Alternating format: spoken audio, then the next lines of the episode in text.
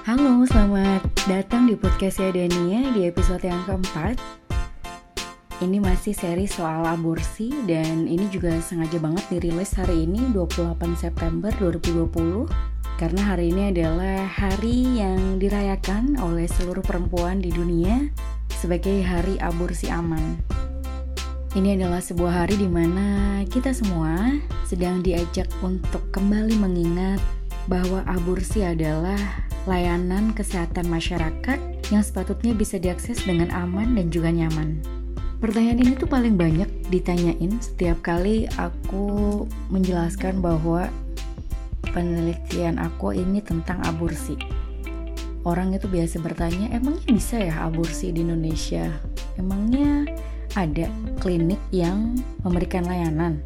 Emangnya aman ya aborsi di Indonesia? Boleh ya secara hukum. Nah, kalau misalnya ngomongin hukum sih, kayak yang di episode sejarah aborsi ya, maju mundur di Indonesia. Mau dibilang aman juga ancaman kriminalisasinya juga nyata. Mau dibilang gak aman, tetapi juga banyak aborsi yang berhasil dilakukan oleh perempuan-perempuan di Indonesia. Jadi agak bingung ya kalau mau bilang bisa nggak sih aborsi aman di Indonesia? Karena jawabannya sih ya hampir nggak mungkin ya. Kalau menurut WHO sih yang namanya aborsi aman harusnya mereka yang mengakses tidak memiliki risiko yang mungkin akan merugikan. Sederhananya gitu sih. Jadi misalnya tidak ada risiko kekerasan ekonomi, tidak ada risiko kriminalisasi dari bidang hukum, tidak ada risiko mendapatkan penghakiman dari masyarakat, tidak ada risiko dari sisi kesehatan ya tentu saja. Kan ini juga sebuah tindakan yang berhubungan dengan status kesehatan seseorang ya. Agak sulit kalau mau mendefinisikan apakah aborsi yang dilakukan oleh perempuan-perempuan di Indonesia ini termasuk dalam kategori aborsi aman. Nah, tapi seperti yang juga pernah aku sampaikan di episode kedua, kalau kamu mau nyari, kalau kamu mau mendengar lebih banyak, pasti kamu akan dengan mudah ketemu paling tidak satu orang yang pernah mengakses atau membutuhkan layanan aborsi. Nah, jadi gimana dong mereka mengakses layanan aborsi? Ini data yang aku dapatkan dari penelitian aku sendiri ya, salah satu hasilnya. Jadi ini sampelnya aja sih.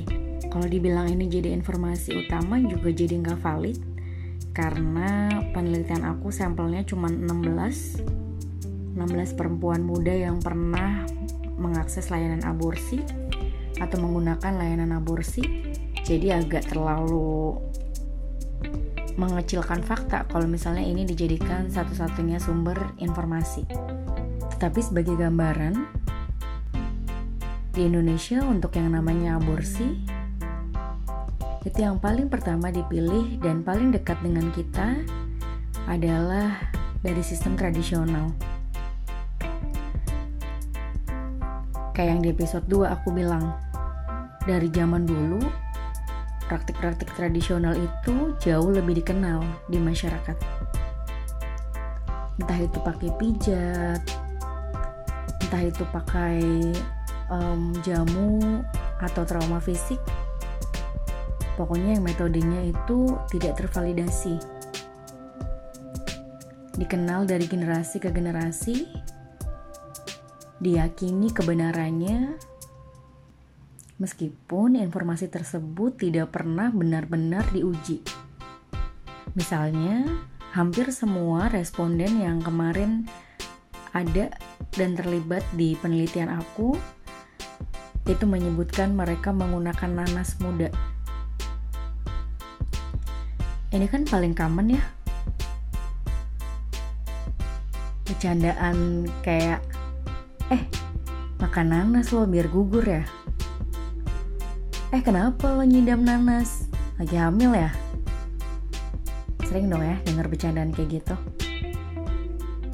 Meskipun ini cuman bahan bercandaan, dan sering banget kita ngomong ini cuman kayak buat bahasa sehari-hari tapi nggak sedikit orang yang kemudian meyakini bahwa nanas benar-benar bisa menggugurkan kehamilan.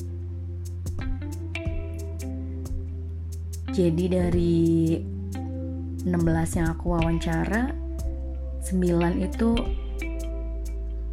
paling tidak pernah mencoba satu kali memakan nanas saat tahu bahwa dirinya mengalami kehamilan yang tidak direncanakan atau tidak dikehendaki. Kemudian selain menggunakan nanas, ini ada juga dua responden aku yang masih menggunakan layanan tradisional. Jadi yang satu ke dukun bayi yang pakai metode pijat, kemudian yang satu ke orang pintar atau mereka yang kita biasa sebut uh, dukun tapi bukan dukun bayi. Kalau dukun bayi itu kan pijat ya. Jadi di perutnya dipijat, kemudian um, dibacakan mantra gitu tetapi kalau yang dukun ini mereka yang menganggap bahwa ada kekuatan supranatural yang bisa menghentikan kehamilan. Jadi si perempuan harus berdialog dengan si kekuatan supranatural ini agar bisa menghentikan kehamilannya. Kemudian yang paling banyak dipilih selain dengan tadi nanas ya, kalau nanas tuh kayak upaya P3K gitu pertolongan pertama. Jadi biasanya yang terpikirkan atau terlintas ketika ingin menghentikan kehamilan adalah dengan menggunakan nanas. Kemudian yang paling banyak digunakan untuk menghentikan kehamilan adalah dengan metode populer. Uh, aku mengkategorikannya sebagai populer karena informasi yang didapatkan ini melalui media-media yang banyak dikenal orang. Jadi kayak dari internet, dari sosial media, dari percakapan dengan teman sehari-hari, ini juga mendominasi ya. Kalau kamu mau nyari di Google, kamu akan ketemu ribuan halaman yang menyebutkan bagaimana caranya aborsi, di mana kamu bisa aborsi dan membeli obatnya sampai testimoni dalam tanda kutip keberhasilan dalam tanda kutip aborsi. Biaya yang dikeluarkan sama sekali nggak murah karena ini pasar gelap, tidak ada regulasi, tidak bisa dibicarakan, informasinya tidak bisa divalidasi. Jadi perempuan-perempuan ini biasanya mengalami yang namanya kekerasan ekonomi ada risiko penipuan, bisa jadi obatnya palsu, bisa jadi dosisnya salah, bisa jadi yang jualan kabur setelah ditransfer uangnya. Banyak resiko-resiko yang didapatkan dari pasar gelap aborsi di internet. Kemudian yang terakhir, Tadi kan yang pertama dengan tradisional ya, dengan nanas, dengan dukun bayi, sektor populer via internet, via teman, via sosial media. Kemudian yang terakhir, yang terlihat paling aman adalah dengan layanan di klinik. Kenapa terkesan aman? Hanya terkesan dan tidak benar-benar aman. Meskipun udah di klinik gitu ya. Ya ini karena ancaman kriminalisasinya tuh tinggi banget kalau sampai layanan ini terdengar oleh aparat penegak hukum. Ini gampang aja sih cara cari taunya. Kalau kamu cari berita, um, klinik penyedia layanan aborsi, kemudian cari di bagian news, kamu akan ketemu banyak dokter, banyak perawat, banyak um, klinik yang juga dikriminalisasi karena terindikasi memberikan layanan aborsi. Pernah ya kamu dengar kasusnya WA? Usianya 15 tahun, dia diperkosa, dia aborsi, dia dipenjara karena melakukan aborsi karena perkosaan yang dia alami. Gak ada sebenarnya kata aman kalau kita bicara aborsi di Indonesia.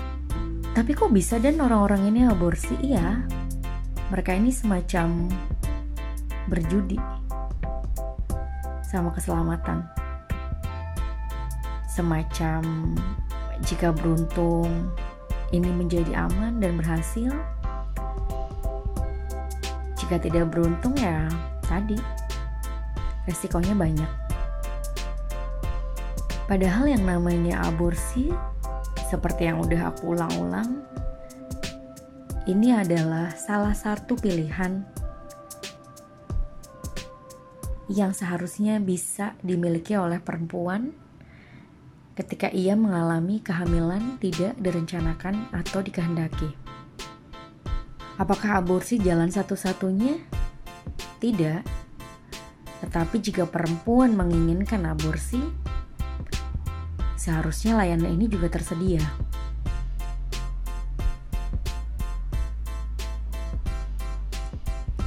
Kalau bicara kehamilan tidak direncanakan atau dikehendaki, layanan yang paling dibutuhkan oleh perempuan pertama kali adalah konseling. Konseling untuk menggali, mengetahui, memahami kebutuhan dari perempuan. Ia seharusnya mendapatkan informasi yang lengkap, yang tepat, yang komprehensif tentang pilihan-pilihan apa saja yang tersedia ketika ia mengalami kehamilan tidak direncanakan atau dikehendaki. Jadi rasanya kalau mau bilang aborsi sebagai salah satu pilihan bagi perempuan yang mengalami kehamilan tidak direncanakan atau dikehendaki di Indonesia, ini kayak wacana banget. Advokasi hukum yang entah kapan akan bisa dicapai stigmanya entah kapan bisa dihapuskan, layanannya entah kapan akan tersedia dengan aman dan nyaman. Tapi bukan berarti kita harus menyerah dong ya. Kita pasti tahu dan paham bahwa advokasi penyediaan layanan ini adalah sebuah perjalanan panjang. Tetapi upaya sekecil apa pun akan sangat berdampak kamu cukup tidak memberikan penghakiman kepada perempuan yang memilih menghentikan kehamilannya atau kepada mereka yang ingin melanjutkan kehamilannya ketika mengalami kehamilan tidak direncanakan atau dikehendaki. Agar kemudian diskusi soal perempuan sebagai pemilik tubuh yang punya otorisasi terhadap dirinya sendiri menjadi sesuatu yang normal agar perempuan haknya dihormati sebagai manusia, sehingga ia bebas mengatur masa depannya. Aku pun kamu tidak berhak menentukan mana yang lebih baik, mana yang harusnya diambil, mana yang sebaiknya dilakukan. Masih panjang sih perjalanannya, tapi nggak apa-apa ya. Diskusinya harus udah dimulai dari sekarang. Terima kasih kamu udah dengerin podcast series yang keempat ini. Dan sekali lagi selamat memperingati tanggal 28 September. Selamat merayakan pilihan perempuan atas tubuhnya sendiri. Namaku Dania Muhas. Bye for now.